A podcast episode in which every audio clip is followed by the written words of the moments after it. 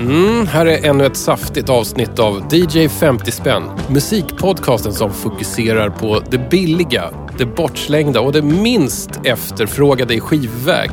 Formatet är vinyl och budgettaket är förstås stenhårt. Jag heter Tom Jönsson och jag är lekledaren här. Och DJ 50 spänn programmet går till så här om du inte vet det redan.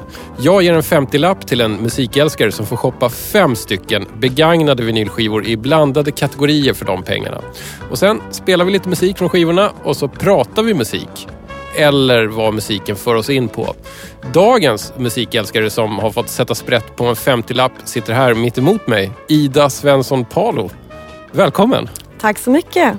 Och äntligen måste jag säga, för det här har vi bestämt för jättelänge sedan. För väldigt länge sedan måste jag säga. Ja, och sen har det inte blivit av, det har skjutits upp och så vidare. Den, den tråkiga, nesliga orsaken är att jag har varit upptagen med att dels jobba ihjäl mig och dels eh, lyssna igenom en liten skivbox med Ulf Lundell. Men jag är klar med det nu.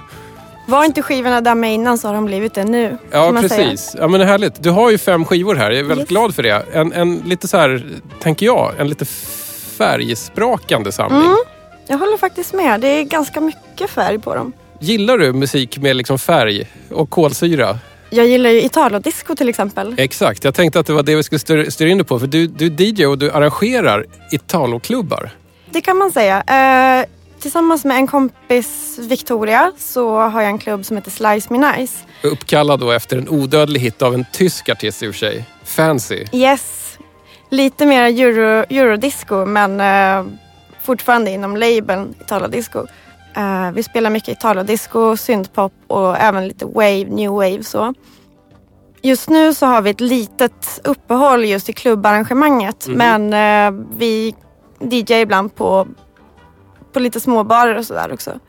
Vi har även varit med i uh, Stockholm Italo Disco Party. Just det, det här, var, det här var förra året, eller hur? Det stämmer. Och då liksom väckte ni upp Fancy på något sätt och fick, ja. drog upp honom på scen. Jag kan sammanfatta att han, han, var, han var lite av en diva. Inte så divig som jag hade föreställt mig.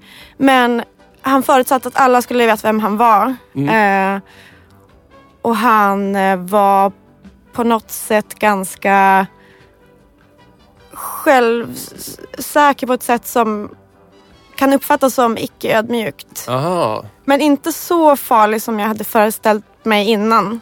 Gick det rykten om att han var liksom lite så att du var tvungen att krusa för honom? Jättemycket rykten. Han hade väldigt mycket krav. Uh, ganska ouppnåeliga krav. Och du, du måste nästan droppa lite från det. Bland annat så var det väl att han, nu kommer inte jag ihåg allting uh, det i detalj så, men han hade förväntat sig en ganska liksom typ lyxig loge. Nu vet inte jag om du vet hur det ser ut på Nalen men där kan man inte få en egen loge på det sättet med liksom uppdukade egna handdukar och sådär. Men han hade, det är någonting, någonting i den stilen hade han förväntat ah, sig. Ja. Mm. Även två professionella dansare som vi skulle ordna åt honom. Stockholm Italo, Italo Disco Party var kanske inte riktigt den lyxproduktionen nej, på det sättet? Nej, han, hade, han är väl van att få det på något sätt. Ja. Han är väl van, eller, eller så är det tvärtom, att han inte är van vid det. Så han, liksom, han, han siktar väldigt högt för att, för att testa. Liksom. Han ville till och med komma, jag tror han ville komma in, ville bli hämtad i en limousin. Jag tycker på något sätt ändå att Fancy borde få bli hämtad i en limousin. Ja, jag kommer faktiskt inte ihåg hur det var eftersom jag inte var chaufför. Uh, men uh, jag är nog ganska säker på att han faktiskt inte fick en limousin. Stackarn. Nej, verkligen. Men du, det här med dansare på scen. Jag lyckades precis se här att du var en av de som dansade på scen. Var det så ni löste det?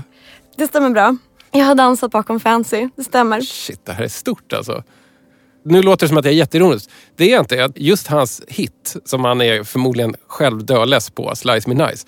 Den är ju fantastisk. Den är jättebra. Jag har ju tjatat ut den ganska mycket. Så jag är nästan lite less på det. Men man får nästan inte bli less. Hur kom du in på Italogenren då? Så det började väl med att jag ganska tidigt upptäckte 80-talsmusik. Mm. Redan när jag var liten tror jag att jag gillade det. För att jag kollade på gamla 80-talsfilmer.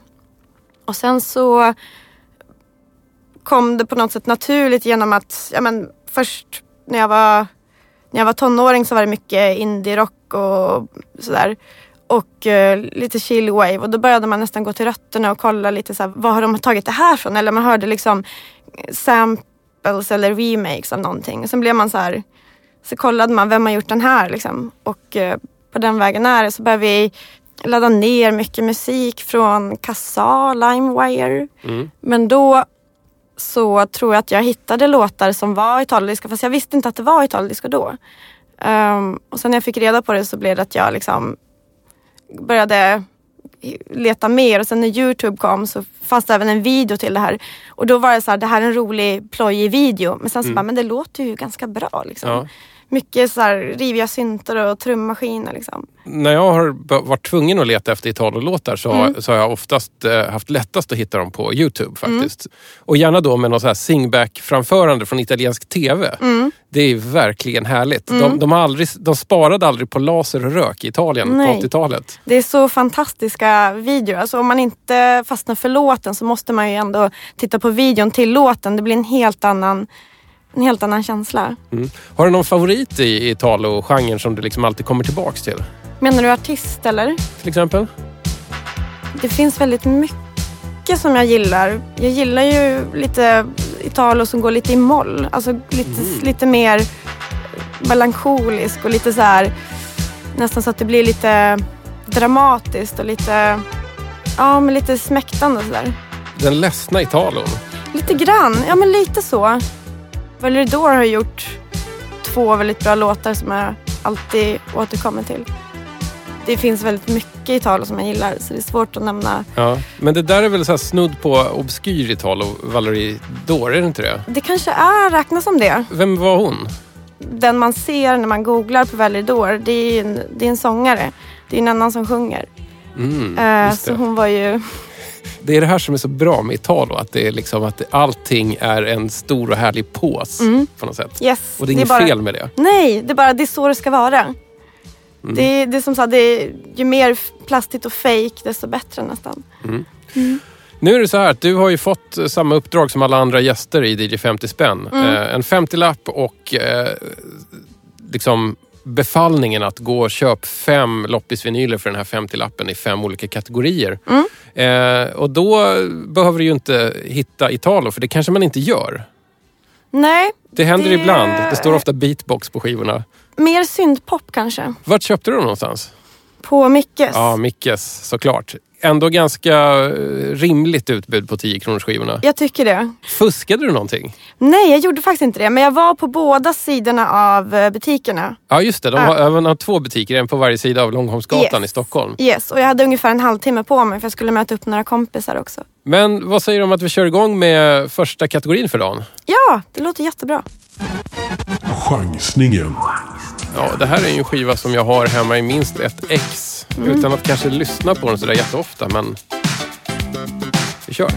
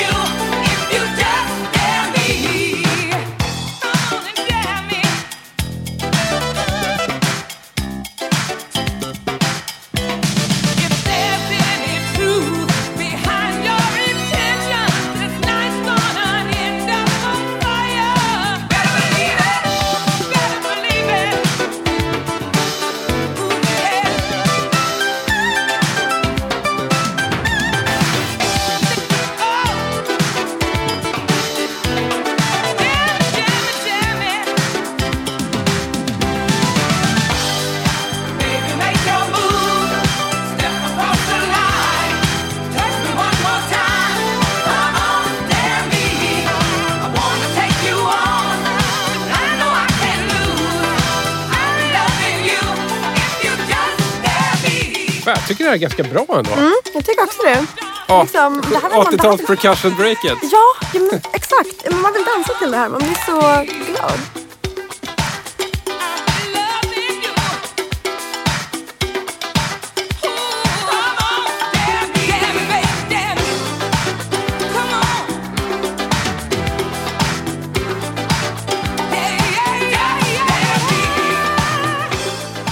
Vad hörde vi här egentligen? Vi hörde Pointer Sisters med Dare Me. Ja, just det. Och det här är från albumet Contact från 85 eller 86 va? 86 var det. Mm. 86 minsann.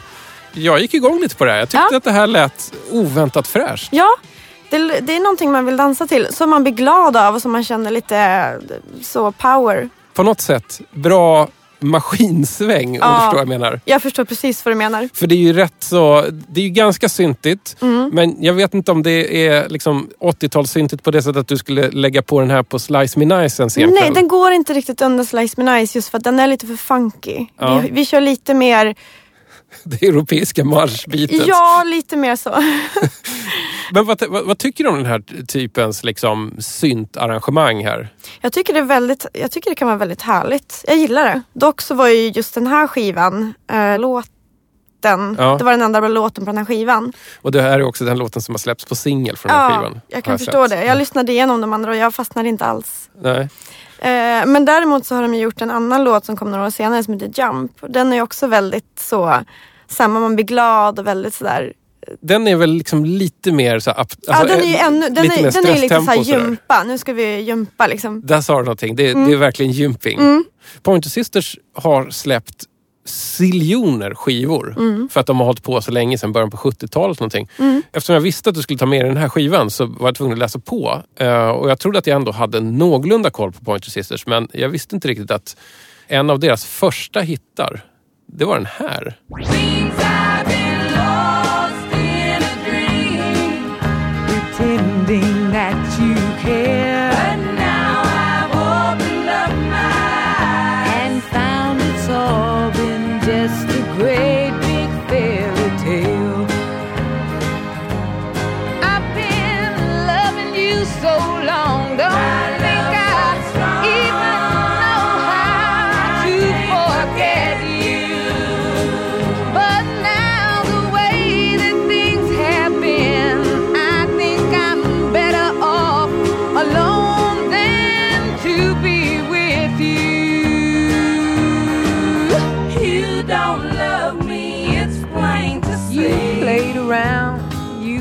Alltså verkligen en sån här, du vet, en, en countrylåt som är verkligen gjord efter alltså bruksanvisningen. Så här gör en countrylåt. Jag hade aldrig kunnat gissa. Ingen jävla aning Hade heller. någon spelat upp det här och frågat vilka det här är, det är nog Pontus Sistrom Eh, jag precis. hade. Ja, men sen, och sen blev det ju liksom mer och mer disco under 70-talet och sen 80-talet så blir det väl mer den här, jag vet inte, chockrosa Mm. hårspraysmusiken. Blir du sugen på att köpa mer Pointer Sisters för små pengar på en loppis när du hör det här? En singel i så fall. Jag eh, tror inte att just såna samlingsskivor är någonting för mig just när det kommer till Pointer Sisters. För att man hittar en bra låt, sen allt annat liksom lite mellanmjölk. Mm.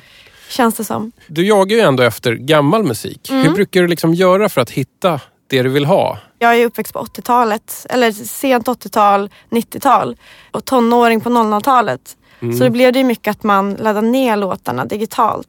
Och sen kom ju Youtube och Spotify. I i en del avsnitt har jag frågat så här, vilken är den bästa billiga loppisskiva du har fyndat. Men Mm. ibland har jag faktiskt svängt om den till så här, bästa Youtube-fynd. Mm. Har du något sånt? Det kan vara när jag råkade klicka in på en Italartist som hette, som hette Kano med en låt som heter Another Life. Det var lite innan jag började komma in på Italo 100% Mm. men eh, han var en av många ögonöppnare så till genren. Och det var liksom wow. Några av mina favoritfynd på Youtube som jag inte har någon aning om hur jag hamnade på dem. Mm.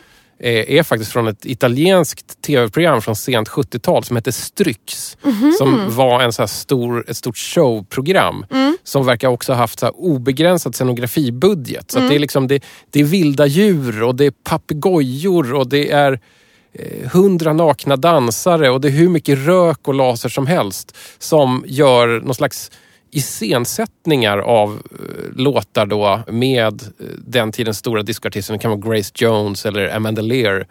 Eh, Wow. och det är verkligen, alltså, Strix heter det, Eh, scenografen heter Enzo Trapani.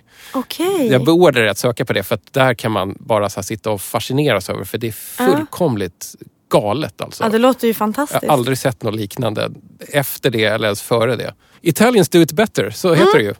Exakt. Du, ska vi hoppa vidare en skiva? Ja. Nostalgiköpet.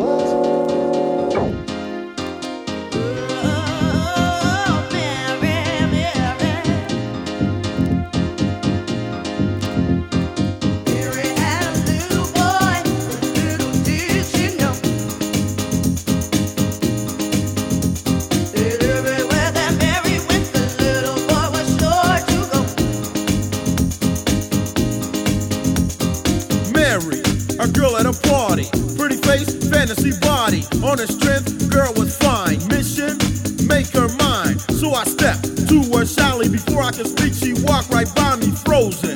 Lost my cool, out of the groove. What's my next move? Should I chill? Should I follow? Heart is pounding, I feel hollow. Pause.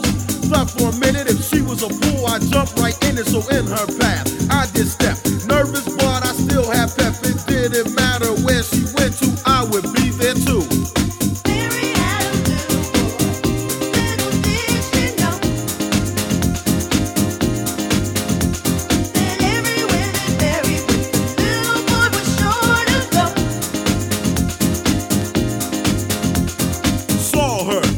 At the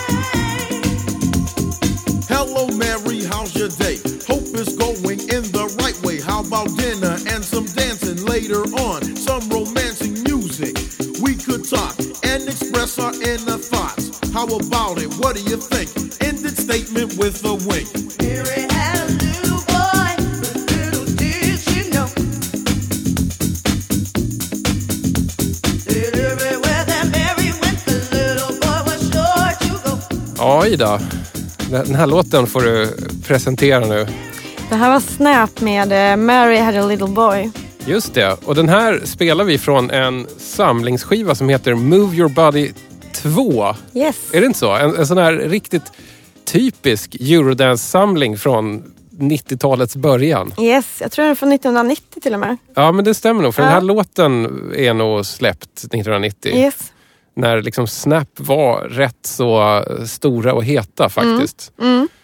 Nu när jag hör det här så tänker jag att Turbo B var kanske inte en lysande rappare. Nej, Jag skulle kunna gå så långt och säga att han var nog inte ens den bästa rapparen i bandet. jag tycker ofta sådana här typer av låtar och produktioner så är alltid sångerna bäst. Precis. Eh, men det är kanske för att jag inte gillar rap så mycket. Men i det här fallet funkar det ju för det, det, ska, ju, det ska ju vara så. Det, det hör ju till. Det hör ju till. Precis den här fasen i Eurodance så var det ju alltid en, Mhm. en biffig eller muskulös rappare som liksom drog verserna och så kom liksom alltid en refrängsångerska. Mhm. Eh, på den här heter hon Penny Ford. Stämmer bra. Det här är ju nostalgiköpet. Yes. Hur, hur gammal var du när den här kom? Jag var tre år.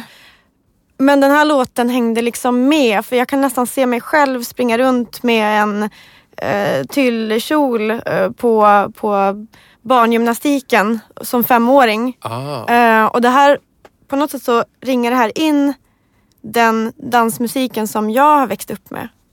Vad tänker du idag när du hör sån här Den är eurodance? fortfarande väldigt bra. Du jag gillar skulle det? vilja höra det här på ett 90-tals dansgolv. Det, det finns väl 90-talsklubbar? Att, Det gör det. jag vet inte om de kanske kör coolare musik från 90-talet? Eller kör de sånt här? Det är nog väldigt blandat. Jag tror jag har varit på en 90-talsklubb som började spela låtar från 00-talet. Men eh, den här låten och The Power och Rhythm is a Dancer är ju också väldigt bra. Så det, här var ju, det här känns ju som ett band som var bra och håller fortfarande. Jag försöker väldigt långsökt hitta någon slags här, du vet, Italo-connection i det här. Ja. Jag lyckas inte riktigt, men jag Nej. noterar att, att personerna bakom Snap är ju en sån här ohelig allians av tyska och italienska namn som det ibland är i Italo. Mm. Ja, för de är väl från Tyskland? Jajamän, Eh, det här ja. är så, så tyskt som det går. Men Mm. den ena heter då Mikael Münzing och den andra heter Luca Ancilotti. Mm. Kanske italienskt påbrå, jag vet inte. Men i början så pallade de inte att ha de namnen. Eh, så att då hette de då hade, använde de pseudonymerna Benito Benitez och John Virgo Garrett III. Jag är svag för plastpianot. Mm. Ja, du vet, man hör att det är ett dåligt samplat piano Ja. på någon synt. Ja. Det ska kan ju bli- vara det i sån det, här det, musik. vara, det kan vara plastigt på ett bra sätt. Det är som i Italiodiskon också. Det, är liksom, det kan vara plastigt men då ska det vara bra också. Det ska vara bra plast. Det ska vara bra plast helt enkelt. Nu när du sa det här om barngympa. Mm. Jag börjar förstå att det är en väldigt viktig influens i, i liksom, hur barn formas av musik. Mm. Jag, jag har en dotter som är fyra och ett halvt år. Som brukar, ibland går hon på familjegympa på Friskis och Svettis. Och där kör de ju nu för tiden stenhårt med Imse Vimse Spindel. Fast sången går precis som i eh, Queens We Will Rock You. Ah.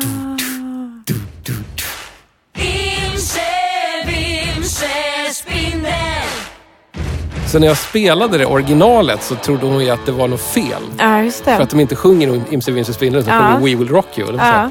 Herregud, vad är det som händer här? Mm. Jag tror att det börjar bli dags för en skiva som jag fruktar lite att lägga på. Det är nästan Mm. så att jag känner att, att det här kommer bli jobbigt. Skivbörsklassikern.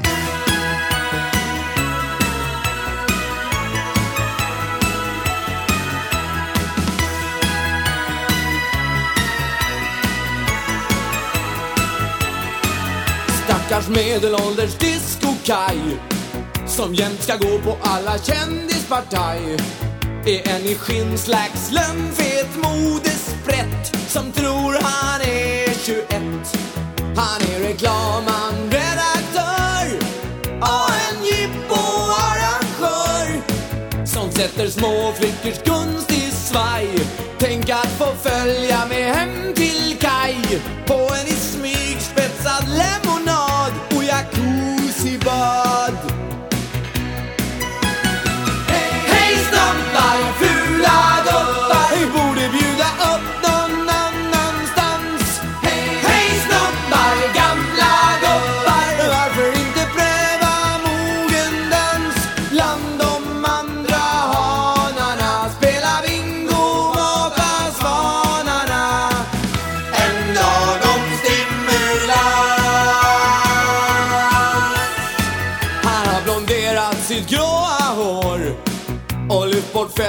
från höft och lår.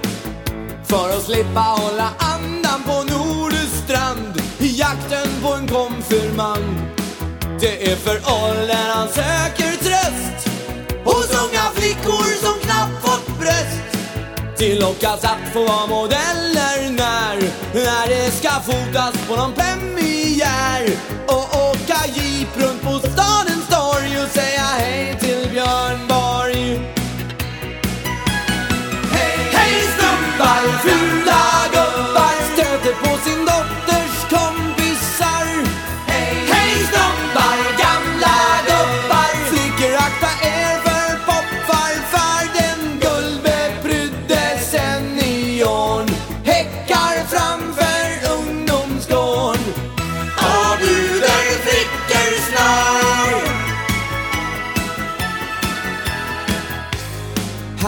Häromdagen så var det pensionärsträff ner på stan Ja, där var Bertil, Terje, Adi, Koko, Klas, Anders, Gunnar, Fredrik, Christer, Görsen, Lars. Ja, där var alla gamla gubbar. Hej, hej stubbar, fula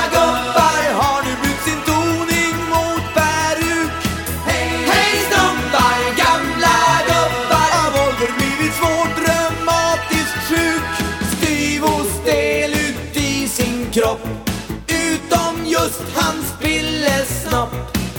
Som tvärtom jämt är mjuk. Ja, det är ju allmänt känt att Kai är helt impotent fast med den enklaste teknik kan han få fjäder på sin skinnspik Spela tennis, golf och squash Segla breda, paddla fort Då kan han ju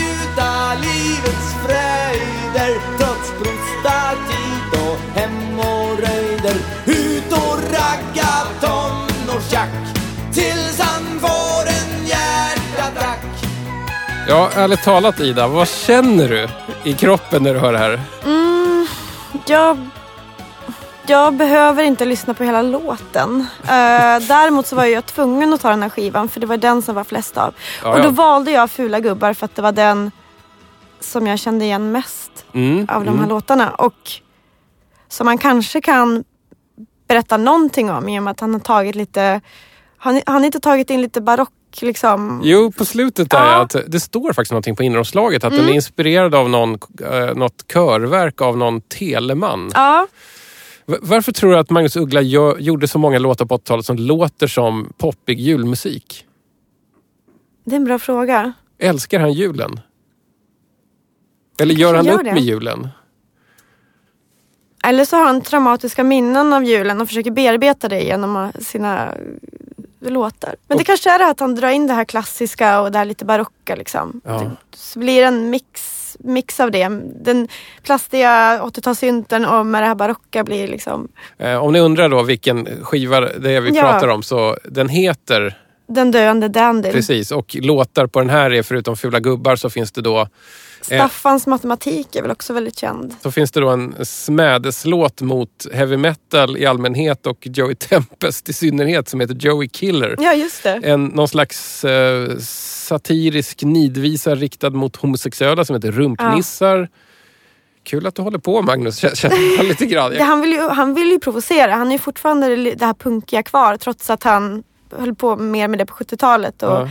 Så han vill, ju, han vill ju att man ska bli provocerad. Så att, Jag vet inte vad jag ska göra av den här för att jag, jag tänker också att det här med att hela grejen är ett enda långt hån av en eh, gubbe som då inte bara är gubbsjuk utan också är impotent. ja, alltså vad ska man säga? Eh, Det här är en låt som är pre-Viagra helt enkelt. det kan man verkligen säga. Och omslaget är ju väldigt, liksom, illustrationen är väldigt, Ja. han har gjort en annan version av, är det inte Nils Stadels Den döende dandyn? Jo, Eh, det är det väl. Fast det är någon slags så här klatschig och lite äcklig, eh, väldigt penisfy... Ah, jag vet inte riktigt. Precis, det är, det är könsorgan helt enkelt. Mm. Men det här Eh, sprang svenskarna man ur huse och köpte 1980. Sex tror jag. Ja, kan det vara det? Ja, det är det Ja. säkert. Med Vann tid- den inte Rockbjörnen också? Jo, det, alltså jag tror att Magnus Uggla vann varenda rockbjörn som fanns under hela 80-talet. Det finns väl någonting ändå... Mm. Jag märker att jag sitter och fnittrar åt det här. Alltså för, för att det är så... eh, han, har, han har tagit det så långt. För att jag, jag har den här Disco Kai.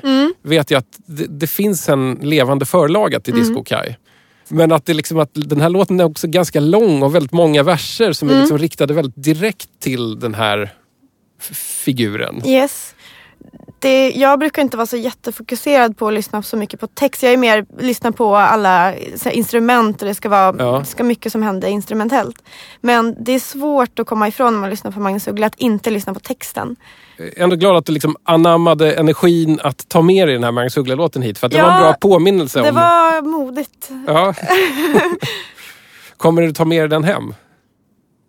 Jag Eller- behöver inte ta med mig den hem. Du får gärna ta den om du vill. Jag kan ta den, jag kan ställa, trycka in den bland de andra skivorna som blivit kvar här. Eh, vad sägs om lite, lite andra intryck. Ja, Random Access Vinyl. Är väldigt fint omslag. En, en väldigt elegant kvinna, lite, lite så här 30-tals filmstjärna-stylad här. verkligen. Hon, hon Blir sitter upppassad. liksom så här, blir uppassad som en matriark nästan av en manlig eh, Ja, en- betjänt. Ja, helt i, i frack. I frack och allt. Nu kan jag lura mig själv här för att jag ganska nyligen lyssnade på Taco. Just det. Det är någonting Just det. tacoaktigt. Verkligen, väldigt lik. Men han är liksom inte i fokus. Han är ganska liksom, mörklagd medan hon, hon har allt ljus på sig. Here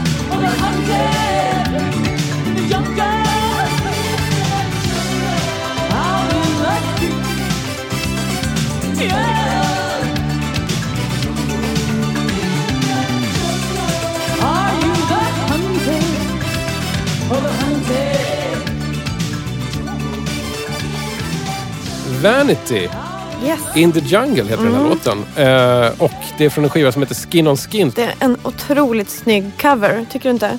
Jo, alltså omslaget är, är otroligt, otroligt glamoröst Ja, alltså. verkligen.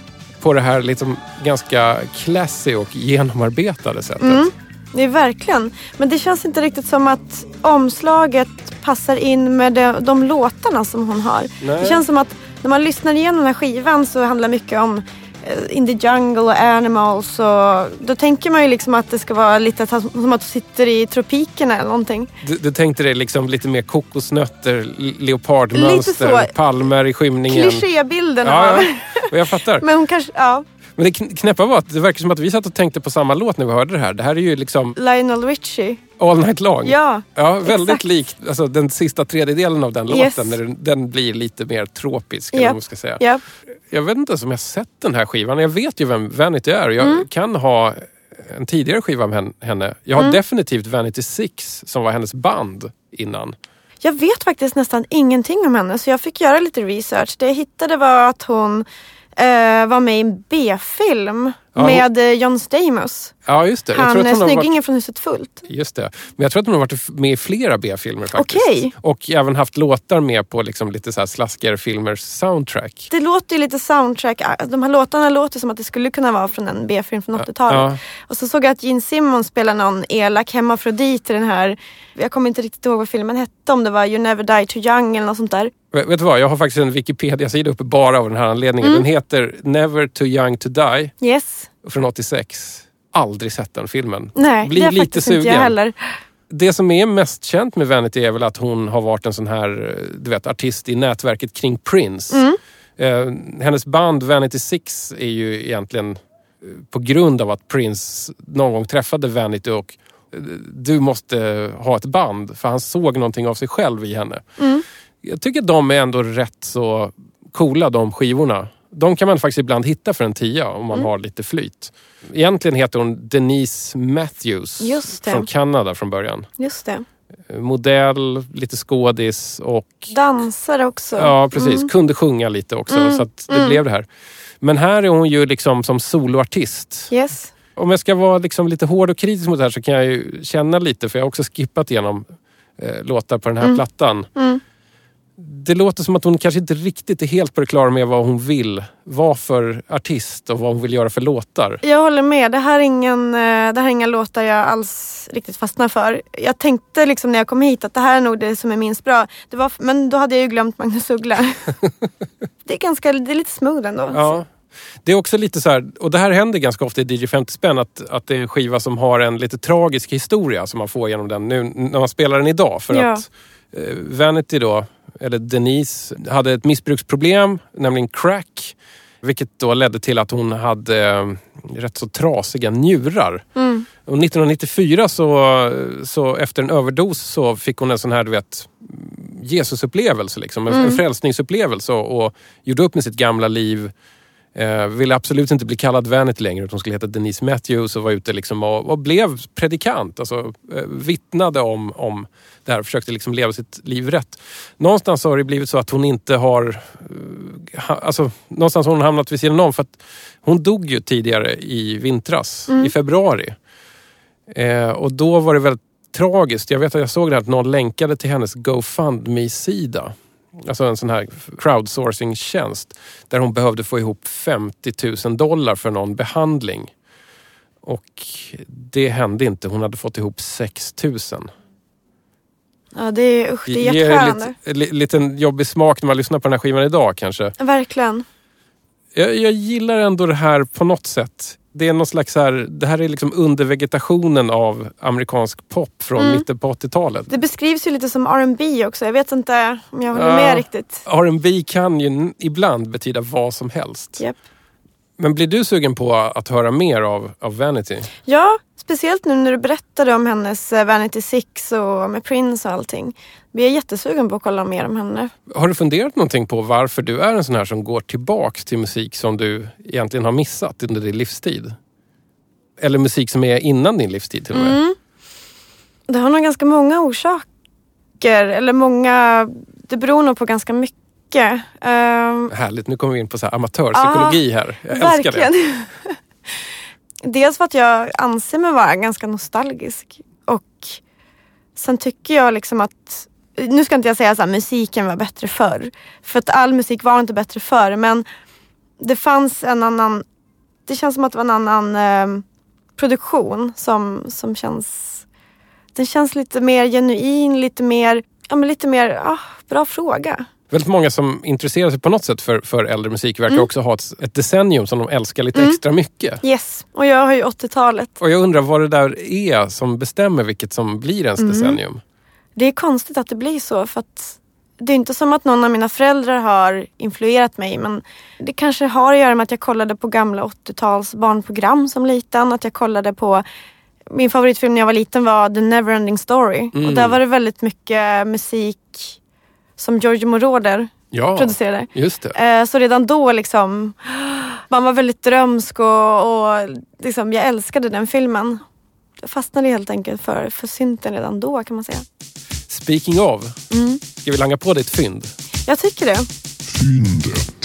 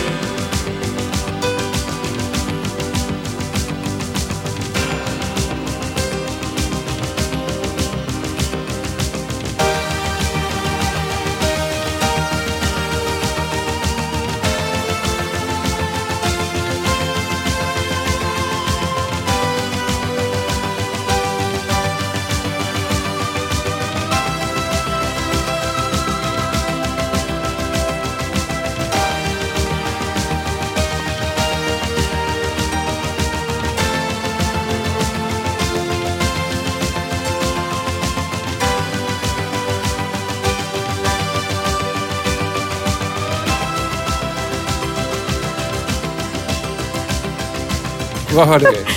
Jogging Chase, uh, Pauls Theme, av, eh, producerad av Giorgio Moroder. Från filmen Cat People. Exakt. Och du har singeln med dig, Cat Ja. People, där det står inom parentes Putting Out Fire. Ja. Det här är alltså B-sidan på den. Eh, På A-sidan så är det David Bowie som sjunger. Också en rätt eh, skön låt. Men den, Verkligen. den här är ju maffig alltså. Den är jättemaffig. Jag gillar det här mörka, lite nästan... Man, ja, det, är- det är fantastiskt. Kan inte du säga vad du får för bilder i huvudet av att höra på den här? Eh, jag, jag ser ju liksom någon som blir jagad i mörkret. Och det, och det är så dramatiskt. Det är så så här, Mm. Jag gillar dramatiken i det här. Så det, det är som... Det är mycket känslor. Det jag ser framför mig är liksom filmat med subjektiv kamera i, i den som, eh, som liksom blir jagad. Mm. Och, och den springer genom mörka gator där det är så blankt på gatorna av regn. Mm. Av regn. Och så är det liksom så neonskyltar som lyser i det. Ja. Nästan lite mer Blade Runner Mm. än Ja, men- filmen Cat People Ja men precis. Ja, men det du beskrev nu känns lite som en scen från Blade Runner. Det är rätt bra joggingrytm tänkte jag också. Den är precis lagom Verkligen. så här, långsam. Mm. Jag tror just eh, när den här eh, låten spelas i filmen så tror jag att det är någon som joggar i dagsljus om jag minns rätt.